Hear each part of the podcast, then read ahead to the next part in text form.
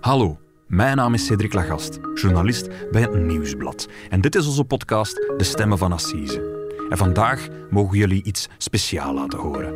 Herinneren jullie nog aflevering 18 van deze podcast, waarbij ik ging praten met Philippe Lacroix, een beroepsgangster die eerherstel had gekregen van justitie. Onze collega's van de Standaard die hebben een zevendelige reeks over Philippe Lacroix gemaakt, waarin ze gaan praten met Lacroix, maar ook met daar mensen rondom hem en met de speurders die hem konden klissen. Hier kunnen jullie nu de eerste aflevering horen. En binnenkort horen jullie de zes andere afleveringen in de app van de Standaard of op jullie podcastkanaal. Veel luisterplezier.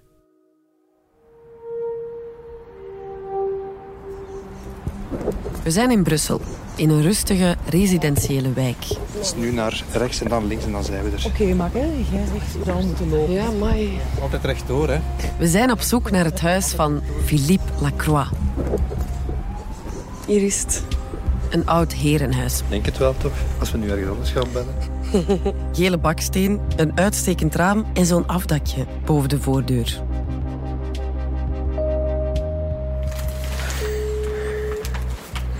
Oui, bonjour Marc. Dag Filip, wij staan voor de deur. Ah ben, daar ben ik. Oké, tot straks. Dat zo.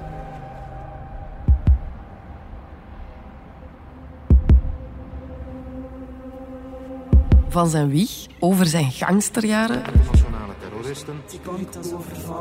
Overvallen op geldtransporten, de ontsnapping van de eeuw. De. En een ontvoering van een ex-premier van den Boeinans verdwenen uit zijn appartement. tot zijn leven nu als vrij man. Philippe Lacroix, brein van de bende Hamers, vertelt voor het eerst zijn hele verhaal. We onderbreken onze programma's voor een extra nieuwsuitzending. Dit is Lacroix, ik was gangster. De vreedheid van wat gisteren gebeurd Dat is. was gewoon non-stop. Een podcast van de Standaard, gemaakt door Mark Eekhout, Lacroix die ontsnapte uit de gevangenis. Ik herinner me die beelden nog. Marian Justaert, Bij mij is het vooral de eerste herinnering de ontvoering van Van den Boeinans. Toen was ik acht. Joris van Damme en mezelf, Lise Bonduel. Heb jij dat ooit gezien? Ik was één jaar. Ja, de herinnering eraan is vaag. Philippe Lacroix. Lacroix? Het brein achter de bende Hamers. Pablo Escobar. Hoe wordt iemand wie hij geworden is? Lacroix krijgt de doodstraf zoals de aanklager geëist. Daarvoor moeten we beginnen bij het begin. Beginnen bij het begin. Lacroix, ik was gangster. Aflevering 1, nog geen boef.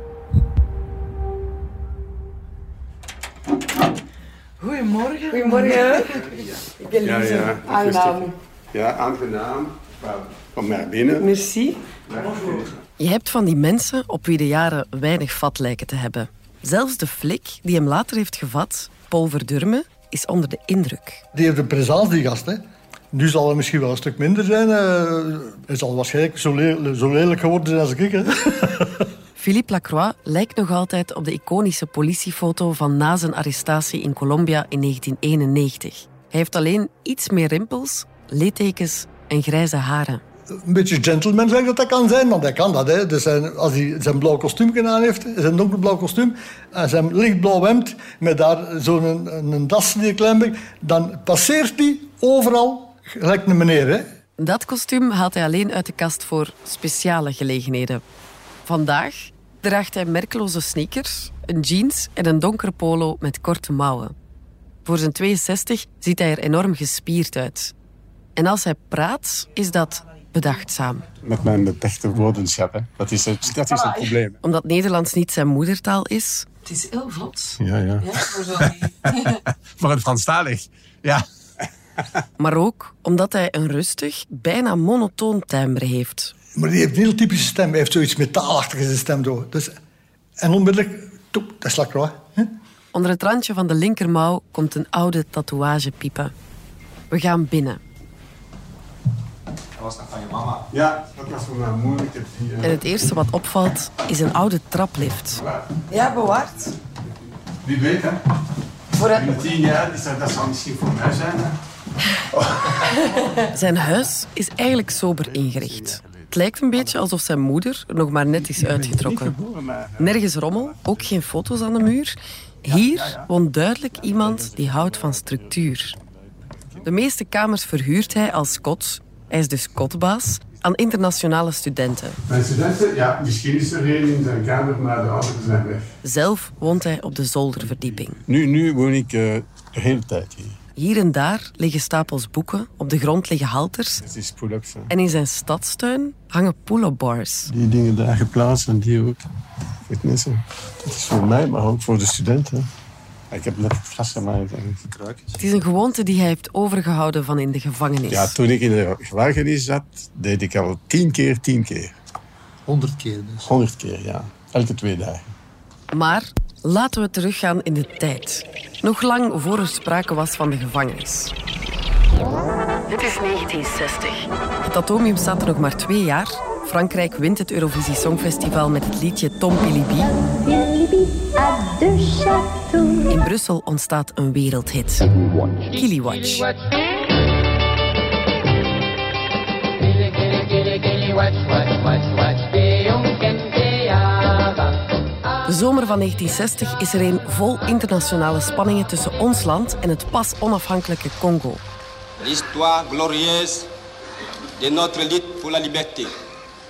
Op 24 september wordt het Amerikaanse vliegdekschip USS Enterprise, het eerste met kernaandrijving, te water gelaten. USS Enterprise shows its swift wings to a select group of VIPs.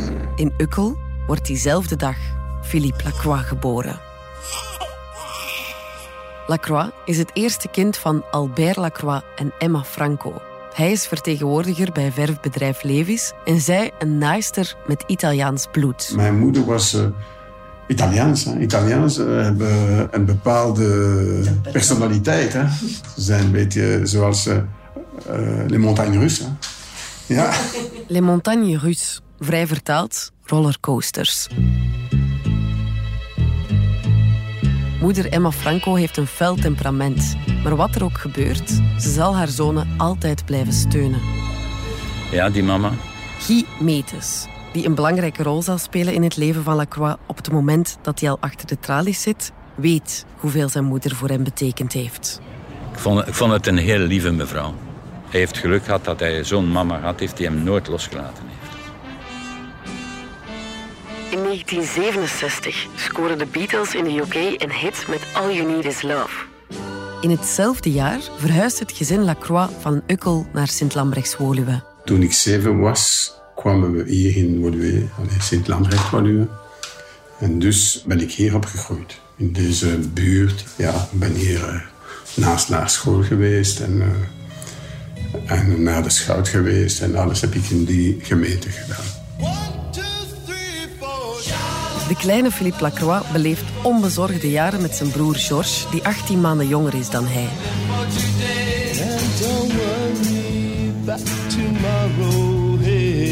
Niemand die op dat moment zou hebben gedacht dat een van die twee ooit een van de meest gezochte criminelen van België zou worden. Had je een goede band met je broer? Ja, heel goede banden.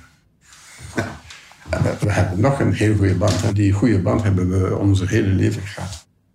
Lacroix is een jonge ket. Als kind wou ik turneleraar zijn.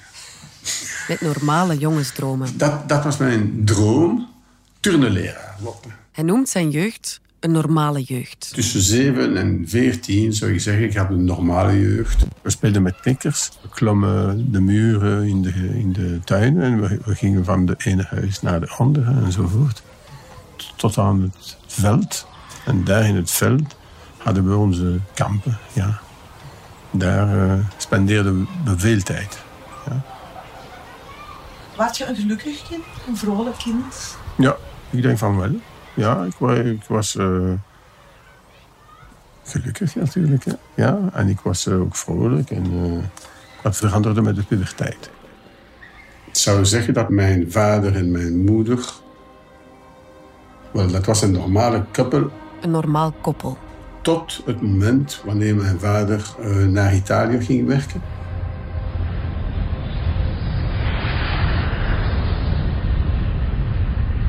Vader Albert krijgt het aanbod om in Italië verdeler te worden van verf en verhuist. Zijn vrouw Emma blijft achter in Woluwe met de twee zonen. Vanaf dan ziet Philippe Lacroix zijn vader, naar wie hij opkijkt, maar één keer per maand. En dan breekt zijn puberteit aan. De puberteit is, dat, eh, is een moeilijke periode voor iedereen.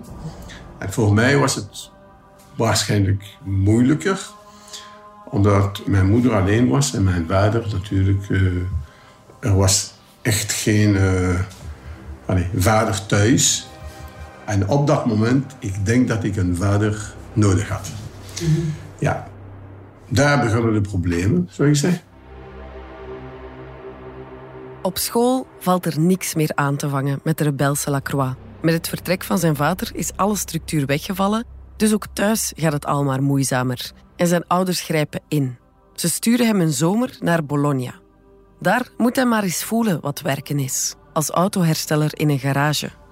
Autohersteller, hè? Maar in Italië wacht hem iets anders. Ik zou zeggen dat mijn vader op dat moment een, uh, een dubbele leven had. Ik woonde in zijn appartement, maar zijn appartement was ook zijn uh, kantoor. En dus na een tiental dagen zei hij tegen mij dat hij, dat hij uh, naar zijn klanten moest. En hij verdween voor één week. Ja? Lacroix blijft alleen achter in het appartement in Bologna.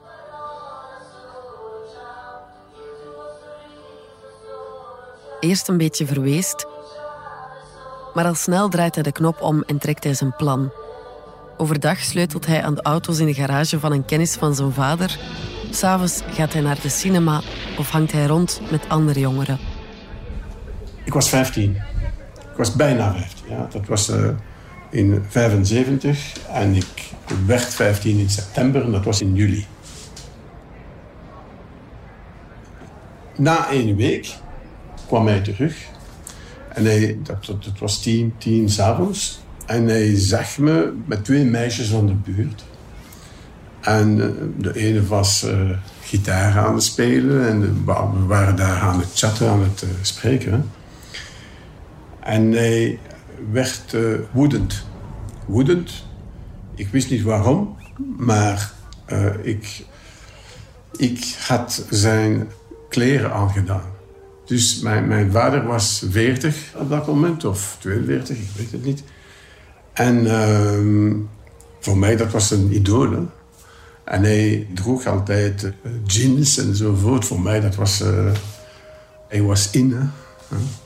Dus ik had zijn uh, vest aangedaan en hij zag dat en werd hij woedend. Zo, hij zei tegen mij, het is tien uur, nu ga naar huis, maar onmiddellijk. Maar Uh, allee, uh, was kwaad. Dus uh, ik antwoordde op hetzelfde toon. Ik zei, fuck you, I, I. Dat was een, een soort confrontatie. Ik was een rebel op dat moment. Ja, vroeger niet, maar op dat moment wel. Ik kon niet begrijpen waarom ik voor één week had kunnen vrij zijn. Ik kon zelf hele nacht binnen de stand uh, doorgaan. Ik, ik, ik kon doen wat ik wou voor één week. En dan, hij komt terug en het is tien uur, het is nog uh, licht. Ik ben hier met twee uh, jonge meisjes die mijn leeftijd zijn. En ik voelde me geschaamd dat mijn vader hier kwam en zei... Allee, Filip, terug naar huis, onmiddellijk. En hier kan je niet meer blijven, het is te laat. Want, het is te laat na één week afwezigheid. Voor mij, dat was onaanvaardbaar. Ja, dat, dat begreep ik niet. Hij, hij, ging naar zijn appartement en kwam terug met een, uh, met een stok. Ja. Ik was ja, 14, 15. Ik had natuurlijk judo gedaan, maar judo... Ja. Op dit moment kon ik niet goed vechten. En mijn vader was ook... Uh, well, gewelddadig. Gewelddadig, ja. Hij was gewelddadig. En uh, dus ik heb een uh, klap gekregen. Een klap? Met een stok. Met die klap brak hij mijn neus, maar ook uh, mijn oog. Ja, ik had hier een ei. Hè. Dus ik ging weg natuurlijk. Hè. Ik vluchtte. Vluchten zal hij nog dikwijls doen. Met die enorme bult op zijn oogkas en een opzwellende neus loopt Lacroix weg. Ik wou maar weggaan. Ik wou hem niet meer zien. Weg van hier is het enige wat hij kan denken. Het bloed gutst op de jeans van zijn vader. Zijn gezicht klopt en brandt alsof er tegelijkertijd duizend naalden in worden gestoken. Hij kan niets meer zien. Iemand op straat merkt hem op en brengt hem naar het ziekenhuis. Daar blijft hij een dag of twee, drie. Twee of drie dagen, maar ik, ik vluchtte. Maar dan neemt hij de benen. Hij vlucht weg. Vanuit het ziekenhuis, omdat de politie uh, wou me interviewen. En ik had gezegd dat ik geslagen was door andere Italiaanse die uit het zuiden kwamen. Waarom had je dat gezegd? Ik, ik, ik wou mijn, uh, mijn vader beschermen. Ik was kwaad tegen mijn vader, maar ik wil niet hem in de problemen zetten. Ja, omdat hij ondanks alles uw idool bleef? Omdat je... Ik weet het niet, maar dat was mijn eerste reactie. Ja. Ik heb niets gezegd over mijn vader. Wat Lacroix dan nog niet weet, is dat het letsel aan zijn oog nooit meer helemaal zou genezen. Terwijl er permanente schade aan je oog opgelopen. Dat leerde ik een paar maanden later. Had ik het diagnose dat ik nooit meer uh, uh, zou kunnen zien met die oog. Lacroix is in feite, heeft een probleem met één oog. Hij heeft geen dieptezicht. Daarom is de slechte chauffeur, blijkbaar. Daar heb ik toch altijd over zeggen. Ik weet het niet, hè, maar dus, ik heb er nooit mee meegereden, dus weet ik het zeker niet. Moeder Emma Franco is furieus wanneer ze hoort wat er is gebeurd. Ze zei, ja, je bent, je bent alleen. Ja, ja, ik ben alleen. Ik zit hier alleen. Hè. En dat hij gewond is geraakt. En, en ze kwam onmiddellijk natuurlijk. Hè. Ze neemt onmiddellijk de trein naar Italië. De dag daarna was ze in Bologna, in het noorden van Italië. En daar ontdekt ze dat Albert Lacroix een affaire heeft. Hij was bij zijn, uh, bij zijn liefde. Dus dat was het begin van de oorlog tussen mijn uh, ouders. En dat is ook het begin van een lange periode van geweld in het leven van Philippe Lacroix. De affaire van Albert heeft het gezin aan degelijk geslagen. Op zijn ziekenhuisbed in Bologna, met een zwachtel rond zijn oog, zint de oudste zoon op wraak. Hij heeft het gemunt op de kluis, een kluis? van zijn vader. Een kleine kluis. Maar ik wist dat er veel uh, geld erin zat. En dus ik heb die kluis meegenomen naar mijn wegplaats. En daar dacht ik dat ik dat zou kunnen openen. Maar... Maar in het atelier botst hij op zijn Italiaanse baas, die aan één blik genoeg heeft om de situatie in te schatten. Toen hij dat zag, hij zei tegen mij, allee Philippe... De boosheid en wrok van Lacroix maken plaats voor schaamte. Allee, we zullen vader uh, opbellen, we zullen dat regelen en geef maar daar terug. Hij laat zich ompraten door zijn baas. Je zal in de problemen zitten en waar ga je naartoe? En keert met de volle kluis weer terug naar zijn vader. En daarvoor ben ik weer met mijn vader teruggekomen. Ze leggen het bij. Case closed. Was dat uw eerste met, diefstal? Met kluis. Uh, uh, mis, uh, misschien niet. misschien niet. nee, niet zijn eerste diefstal. Ik 13 was? Want die pleegde Lacroix al op zijn dertiende. Ja, 13. Als prille tiener werd Lacroix door zijn vader eens twee weken naar een gastgezin in Nederland gestuurd om Nederlands te leren. In Haarlem, bij een familie. Hij wilde daar op café. Maar ik had geen zakgeld. S'nachts ben ik uh, uit het raam, uh, door, door de tuinen enzovoort. Ik ben naar een... Uh, een winkel geweest. En dus vond de jonge Lacroix er niet beter op dan s'nachts in te breken in een winkel ja. en de kassa leeg te roven. Ja, ik ben wel ingebogen in de winkel en dan ben ik terug naar het appartement en niemand heeft niets gezien. Dus... Uiteindelijk is hij met dat gestolen geld niet eens op café geweest. Ik weet niet waarom ik dat gedaan heb, in feite. Ik weet het niet. Het was een eenmalige uitschuiver. Dat heb ik één keer gedaan. Zegt hij. Ja. Van een crimineel patroon was volgens hem nog lang geen sprake in 1973. Maar, maar ik was nog geen uh, gangster of... Uh, uh, hoe zeg je voyou in het Nederlands? Boef, bandiet. Boef. Ja. Ja, nog geen boef. Ja, het begin. Swat. Terug naar de zomer van 1975, die Lacroix doorbrengt in Bologna. 1975. Vlak voor 1 september reist hij terug naar Brussel. Uiterlijk lijkt hij nog op de tiener van twee maanden eerder, maar in zijn hoofd is er iets veranderd. Voor altijd. En dat heeft natuurlijk alles te maken met de gewelddadige confrontatie tussen hem en zijn vader. Hij neemt zich voor om vanaf nu elk gevecht te winnen. Maar dat was het begin van het probleem. Toen ik terug naar België kwam, dan begon ik naar school te gaan. Dat, daar had ik problemen. Ik was weggestuurd uh, van, van de school waar ik was. Dan ging je naar een andere school, was ik ook weggestuurd. Dan een derde school, weggestuurd. Dan naar het pensionaat, weggestuurd. Ik was gewelddadig, een gewelddadiger, zou ik zeggen. Met de andere leerlingen, maar ook met de leraars.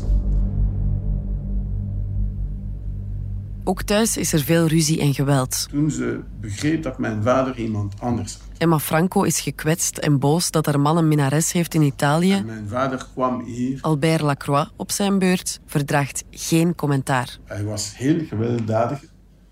En hij sloeg mijn, mijn moeder. En hij, um, hoe zeg je dat, insulté? Beledigen. Hij, hij beledigde haar. En hij probeerde haar in een positie, zou ik zeggen, om... De oplossing zou zijn dat ze uh, zelfmoord had gepleegd. En ze probeerde dat.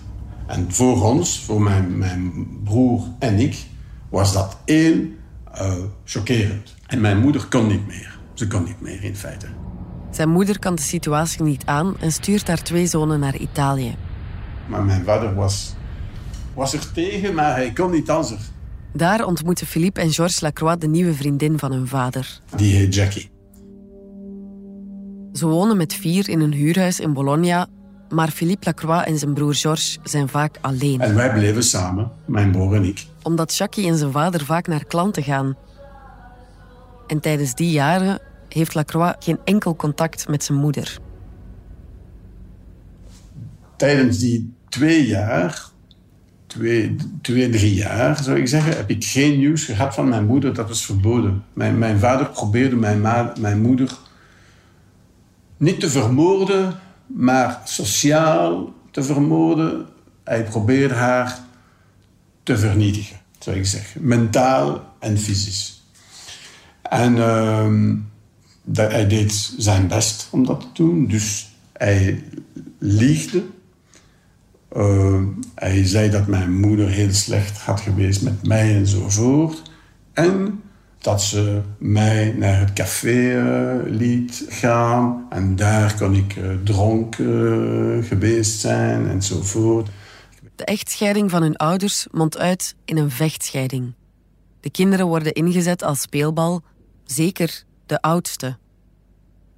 Op een dag komt er een sociale assistent met Lacroix praten. Ik was een kind, ik was 15, 16 en ik heb een sociale assistent ontmoet. En hij wil stoer doen. Hoe zeg je se vanter?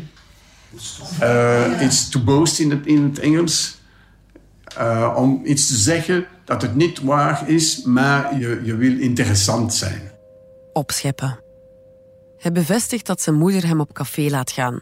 Zomaar. Se vanter. Op het moment dat hij het uitspreekt, staat hij er niet bij stil, maar zijn daden hebben wel degelijk gevolgen.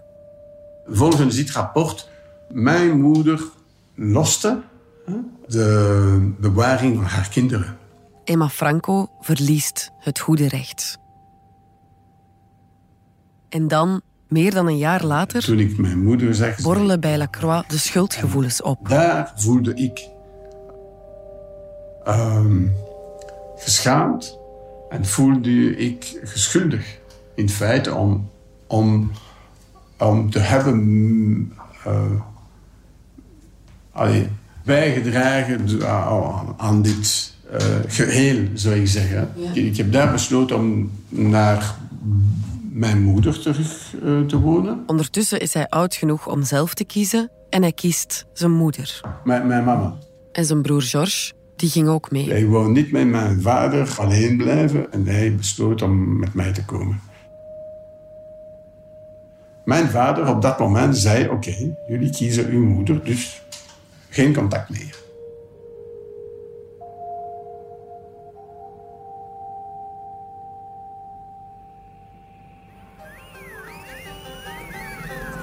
...1978. 1978. Een historisch muziekjaar met Love, Blondie, Boney M en natuurlijk de musical Grease.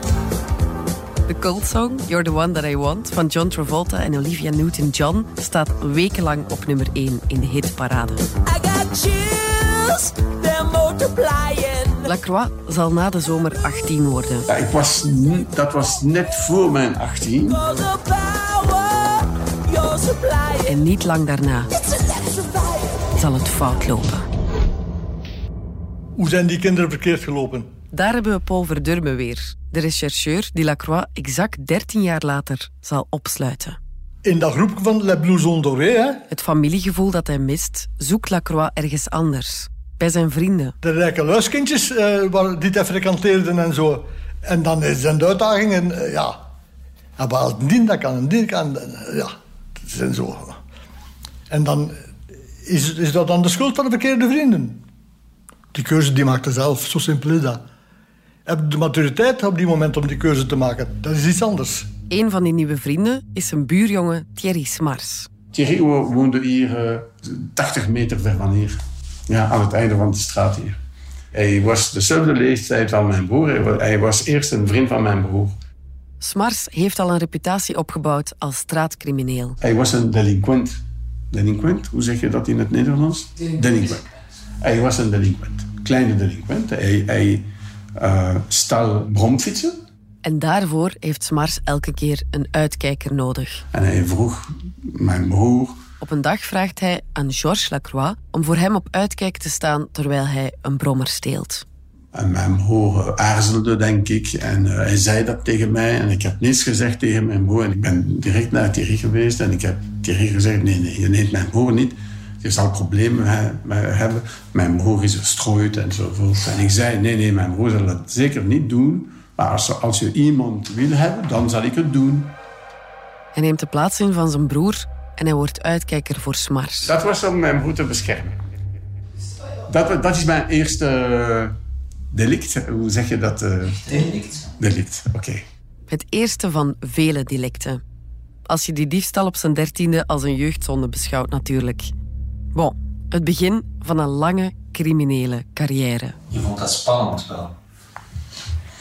Ik weet het niet. Dat herinnert me niet. Maar, maar ik ben begonnen met één eh, bromfiets en dan een tweede en dan een derde. Van bromfietsen, we gingen naar motorfietsen. Na motorfietsen begonnen we met auto's. Niemand die ook maar een greintje vroeging heeft. Lacroix niet, Smars zeker niet. Hij was 17 en wij eh, waren bezig met eh, kleine diefstallen. Hij was eh, in de ma- in major, ik weet niet, vierde of vijfde leerjaar. En hij zei tegen mij, Filip, ik moet nu kiezen tussen een criminele leven en school. hè." En ik heb gezegd, allee Thierry. Ja, ja. Maar ik beslis criminele leven. En, eh, en dat is het, hè. Dat is mijn eh, richting. Ze zijn niet de enigen die zich ermee bezighouden. Integendeel. Hier in de wijk, ja, in, in de buurt, zou ik zeggen dat er twee of drie cafés waren waar ik naartoe heel veel ging. En dat was de ene was degene van de broer van eh, Patrick Hammers. En de andere was een andere vriend. eh. en in die café waren er veel jongeren. In de wijk in Woluwe, waar de twee wonen, is het eind jaren 70 bon ton om criminaliteit te plegen. Er waren een tiental kinderen, maar jongeren die eh, delicten aan het eh, voeren, aan het plegen, plegen. En dus, we waren een soort, hoe zeg je, een, geen gang, maar eh, een bende, een tiental kinderen die soms samen, soms met de ene of met de andere. Maar mijn beste vriend was Thierry. En hoe werkte dat dan concreet? Wat deden jullie dan? We deden het veel. We, we stalen veel motorfietsen om ermee te rijden. Hier in de wijk? Nee, nee, we gingen naar in heel België. Heel België? Ja, natuurlijk. We gingen naar heel België. We stalen ook in de garage.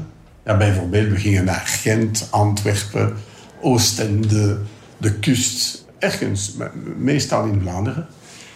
Dat er veel geld is. En eenmaal ze de smaak te pakken hebben, daar in Vlaanderen, gaat het verbijsterend vlug. We starten bijvoorbeeld één motorbike in Oostende en dan we kwamen terug eh, 20 kilometer ver van Oostende. We lieten daar de motorbike op een parking bijvoorbeeld, eh, 20 kilometer ver van daar. En dan we, we gingen naar een tweede, dan naar een derde, naar een vierde. En daarna de vierde gingen we hetzelfde naar Brussel. hè. Motorbike, motorbike, motorbike, bike, bike, bike, bike. Maar 200 per uur, dat gaat vlug. hè. Jullie reden zelf. Ah, jullie reden zelf, jullie hadden geen busje mee waar je die inlaat. Nee, nee, nee, dat, dat, dat, dat, dat deden we reden dat eh, zelf. Hè. We hebben misschien, eh, ik weet het niet, vijf motorbike verkocht. Maar de meeste tijd, wij reden met die eh, motorbike.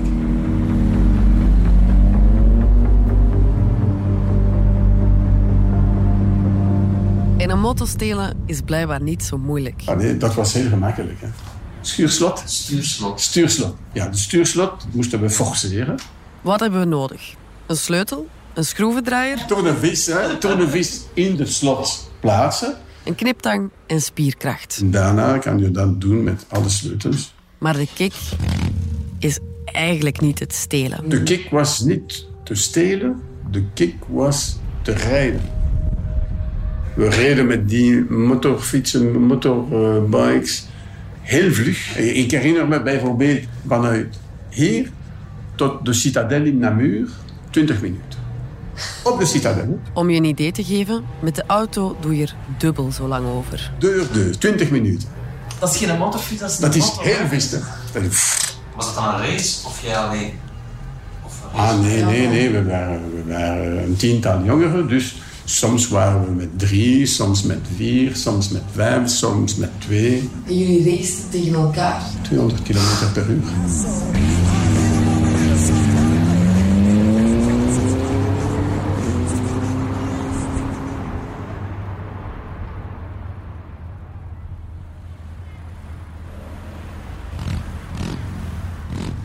Op een avond in Brussel staan drie moto's voor een rood licht. Rode licht. Op de Rode Beeklaan ter hoogte van kruispunt Diamant. Diamant, zoals heet Rode Beek. De motards zijn jong en sportief gebouwd en dragen allemaal jeans. Sommigen een leren vest. We waren met drie motorfietsen. Het zijn Lacroix en zijn vrienden. Lacroix zit achterop bij Smars. Twee anderen rijden alleen. Het was misschien eh 11 uur s'avonds of middernacht. Nou, misschien 11 uur s'avonds. Ze laten hun motoren brullen. Maar dat was een, een race. Een race. eh, Klaar om volle bak gas te geven. Het was donker, nacht. Dat is 1, 2, 3. Het licht springt op groen. Wij waren aan het racen. 400 meter verder. Iemand die dronken was. En een van ons. eh, Die man was dood. ja. Hij was dronk en hij nam geen aandacht aan die eh, drie motorfietsen die eh, maar heel vlug gingen. 160, 180, you know. En dan op het, op het laatste moment, die man stak de straat over. En, en de motorfiets, de eerste motorfiets, nam hem, hem in het midden. Natuurlijk, dat is, ik weet niet hoeveel weegt een motorfiets met een man eh, Ja. eronder, maar dat is... Dus hij, hij, hij, hij overleed ter plaatse.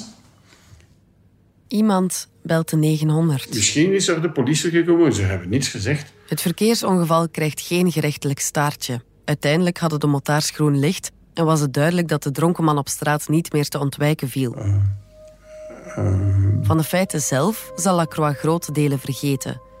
Ehm, maar ik, ik herinner me dat ik hem heb gezien en er was eh, roze allee, bul va- vanuit de, de oren en de, de neus en de ogen. En- Dus je, zie, je, je kan zien dat er iets heel verkeerd was. Maar het beeld van het dodelijke slachtoffer blijft nog lang op zijn netvlies gebrand.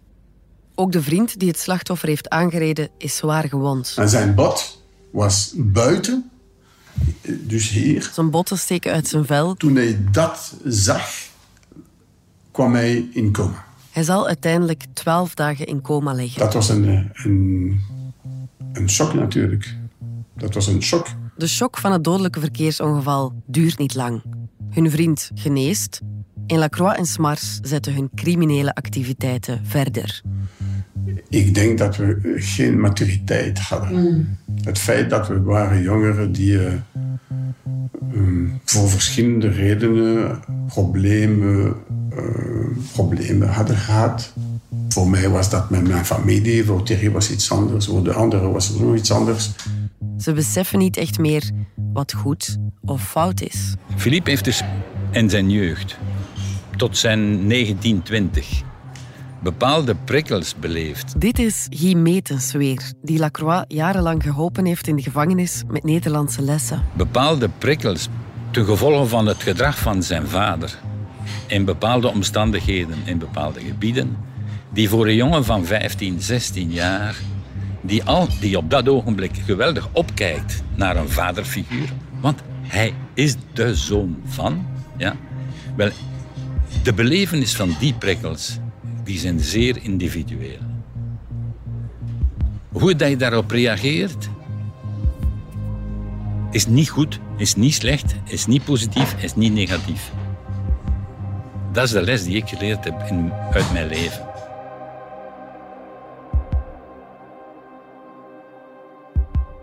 We zijn terug op de redactie. Marian, Mark en ik. En het verhaal dat hij ons net heeft verteld over zijn jeugd blijft lang hangen. We zijn van een andere generatie en het komt bij elk van ons op een andere manier binnen. Maar één ding geldt voor ons alle drie. We hebben veel meer vragen dan antwoorden op dit moment. Ik keerde nu terug naar de jeugd om te kaderen van waar het allemaal komt. Ja. Um, wat, moet, wat moet ik met die info? Goh. Hij vertelt dat nu misschien om zijn latere daden al voor een stuk te legitimeren of om al zo'n basis te leggen maar van... Ik denk dat hij, een crimineel zoals Lacroix, die zoveel op zijn kerststok heeft, die, die zoveel gedaan heeft, als die dan achteraf terug uit de gevangenis komt, terug op het rechte pad is, ja, je moet wel kunnen leven met jezelf. Ja, hè. exact. Ja, die gaat dan zelf in, in zijn verleden op zoek naar verklaringen van hoe het zover is kunnen komen met hem. En dan kom je natuurlijk al, al snel bij de slechte jeugd en de ontwrichte gezinssituatie terecht. Maar heel die discussie, zo nature-nurture... Ja, in welke mate is die criminaliteit aangeboren of Ja, zo? Als je op het einde van je leven terug gaat kijken, dan denkt ah ja, toen waren er al voortekenen in de Ja, jeugd, nu, maar... Als ze bij mij gaan terugkijken, Ja. dan vinden ze misschien ook wel iets eh, dat erop zou kunnen wijzen dat ik dan later eh, Ah. helemaal het verkeerd afloop. Ja, maar ik denk toch dat het ergens in, in u moet zitten. Hè, Ik heb want- dat eigenlijk nooit zo geloofd. Ik denk wel dat de eigenlijk omgeving, foute vrienden, dat dat eerder bepalende factoren zijn. Er zijn ik weet niet hoeveel mensen die opgegroeid Mhm. zijn in een slechte gezinssituatie of die slechte vrienden hadden en die toch goed zijn terechtgekomen. Dus ja, Dus niet iedereen kan crimineel worden eigenlijk, Mark. Allee, volgens u. de dingen die hij ons verteld heeft, zoals die inbraak bij nacht, dat is wel kattenkwaad van een heel andere orde. Hè. Dat is eigenlijk al geen kattenkwaad meer. Daar moet je toch een, een zekere guts voor hebben om op je dertiende een inbraak te plegen en dan Ja. zo geld te gaan pikken. Weet je, zo een keer in het kruidvat of in de nemen. Ja, dat is niet min, hè. dat is niet hetzelfde als... eh, allee, ik denk dat iedereen van ons wel een keer eh, na school in de snoepwinkel Ja. eh, snoepjes heeft gestolen, maar echt zoals hij heeft gedaan, bij nacht een diefstal met braak, op uw dertiende, ja, dat is toch al eh, serieuze kost. Mhm. Dus ik vraag me toch altijd een beetje af of dat toch ook niet in u moet zitten. Hè. Ik weet het niet. Interessante vraag. Interessante vraag. We hebben alle drie sterk het gevoel dat we toch maar eens aan een expert moeten vragen en we leggen contact met criminologe Olga Petintseva. Mijn naam is Olga Petintseva. Uh, ik ben criminologe verbonden aan Vrije Universiteit van Brussel. Ik heb bijzonder interesse in narratieve criminologie. Narratieve criminologie. Het is een relatief nieuwe stroming binnen de criminologie, maar in het geval van Lacroix wel toepasselijk. Want Waarom vertelt hij ons uitgerekend dit verhaal over zijn jeugd? Narratieve criminologen spreken dan ook van mensen als inherent homo narrativus. Dus personen of mensen die betekenis of zelfs vorm geven aan hun handelingen of hun identiteit door middel van verhalen. Narratieve criminologen onderzoeken de manier waarop verhalen mensen drijven tot criminaliteit of welke verhalen gebruikt worden om hun daden te legitimeren, maar ook welke verhalen mensen tegenhouden om criminele feiten te plegen. Denk je, als jouw jeugd stabieler zou geweest zijn, dat alles anders zou uitgedraaid zijn? Ja, ik ben er zeker van. Dat, dat, dat ben ik zeker Ja, ik ben er zeker van. Dat dan een, dat een invloed gehad heeft, dat denk ik ook wel. Dat zou nogal een ja, deterministische kijk zijn, denk ik, om te zeggen van de jeugd van meneer Lacroix heeft een bepaald mechanisch effect gehad op zijn gedragingen. Nu, natuurlijk speelt de jeugd een, bepaalde rol. Hè. Een zeer belangrijke rol in ons levensloop te koer. Uh, in hoe we staan in de wereld, in hoe we ons gedragen. Het is een bepalende periode, maar op zichzelf is het verhaal dat wij horen uh, van vechtscheiding van de ouders, het verhaal van huiselijk geweld, maar ook het loskomen van autoriteit van de ouders, ook met overtreden van de wet in, zekere zin. Dat verhaal op zichzelf is niet zo bijzonder. Begrijp me niet verkeerd, ik wil dat niet gaan banaliseren of minimaliseren, maar er zijn heel veel jongeren die dit soort van uh, verhalen of dit soort van achtergronden meemaken.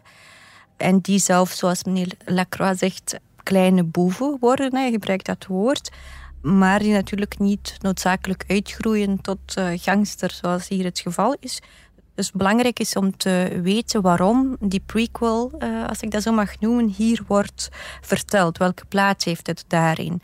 En ik denk dat het een zeer belangrijke rol gaat spelen in het verhaal van stoppen met criminaliteit. Want het verhaal dat meneer Lacroix vertelt, gaat in belangrijke mate over uh, inherent een uh, goed persoon zijn. Niet iemand die onveranderlijk, onverbeterlijk en immoreel is, maar iemand die door externe omstandigheden in een bepaalde situatie is geraakt, maar dat toch heeft kunnen overstijgen. Dus het verhaal van stoppen met criminaliteit. Omdat ik nooit van plan ben geweest om gangster te worden. Dat is een, uh, zou ik zeggen, een gevolg van alle die dingen uh, maar uh, volgens mij, als ik, mijn, als ik een vader had gehad, op het moment dat ik een vader nodig had, dus zou ik natuurlijk een puber uh, zijn en misschien iets verkeerd gedaan hebben. Maar met, met iemand die het kader plaatst. En, en, en, en ik, respect, ik heb altijd het kader gerespecteerd, in feite. Ik heb een kader nodig. Snelle motos zijn cool om mee te rijden, maar je kunt er natuurlijk niet van leven. Hun diefstallen en inbraken brengen amper geld in het laadje. Moto stelen, auto stelen, bedrijven binnen te dringen om geld te vinden. Dat was, dat was het begin, zou ik zeggen. Daarna begonnen we met overvallen. En dat veranderde alles. Hè? Ja, dat verandert alles.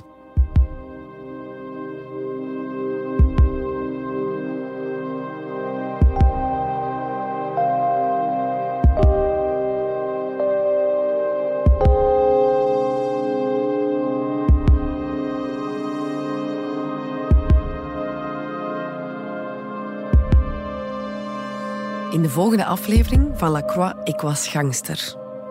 Het is te gemakkelijk te zeggen. Dus als dat zelfmoord is, dan ben ik mijn eigen tante. Ja, natuurlijk. Dat kan hij zeggen. Ja, dat kan hij zeggen. Maar op welke basis? Als het geen zelfmoord is, dan is het koelbloedige moord.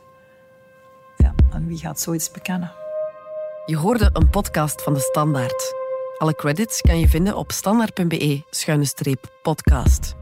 Wil je Philippe Lacroix nog beter leren kennen? Blijf dan zeker luisteren. En laat ons gerust ook weten wat je ervan vindt. In deze aflevering kwam zelfdoding ter sprake. Heb je vragen over zelfdoding? Dan kan je terecht bij de zelfmoordlijn op het gratis nummer 1813 en op www.zelfmoord1813.be.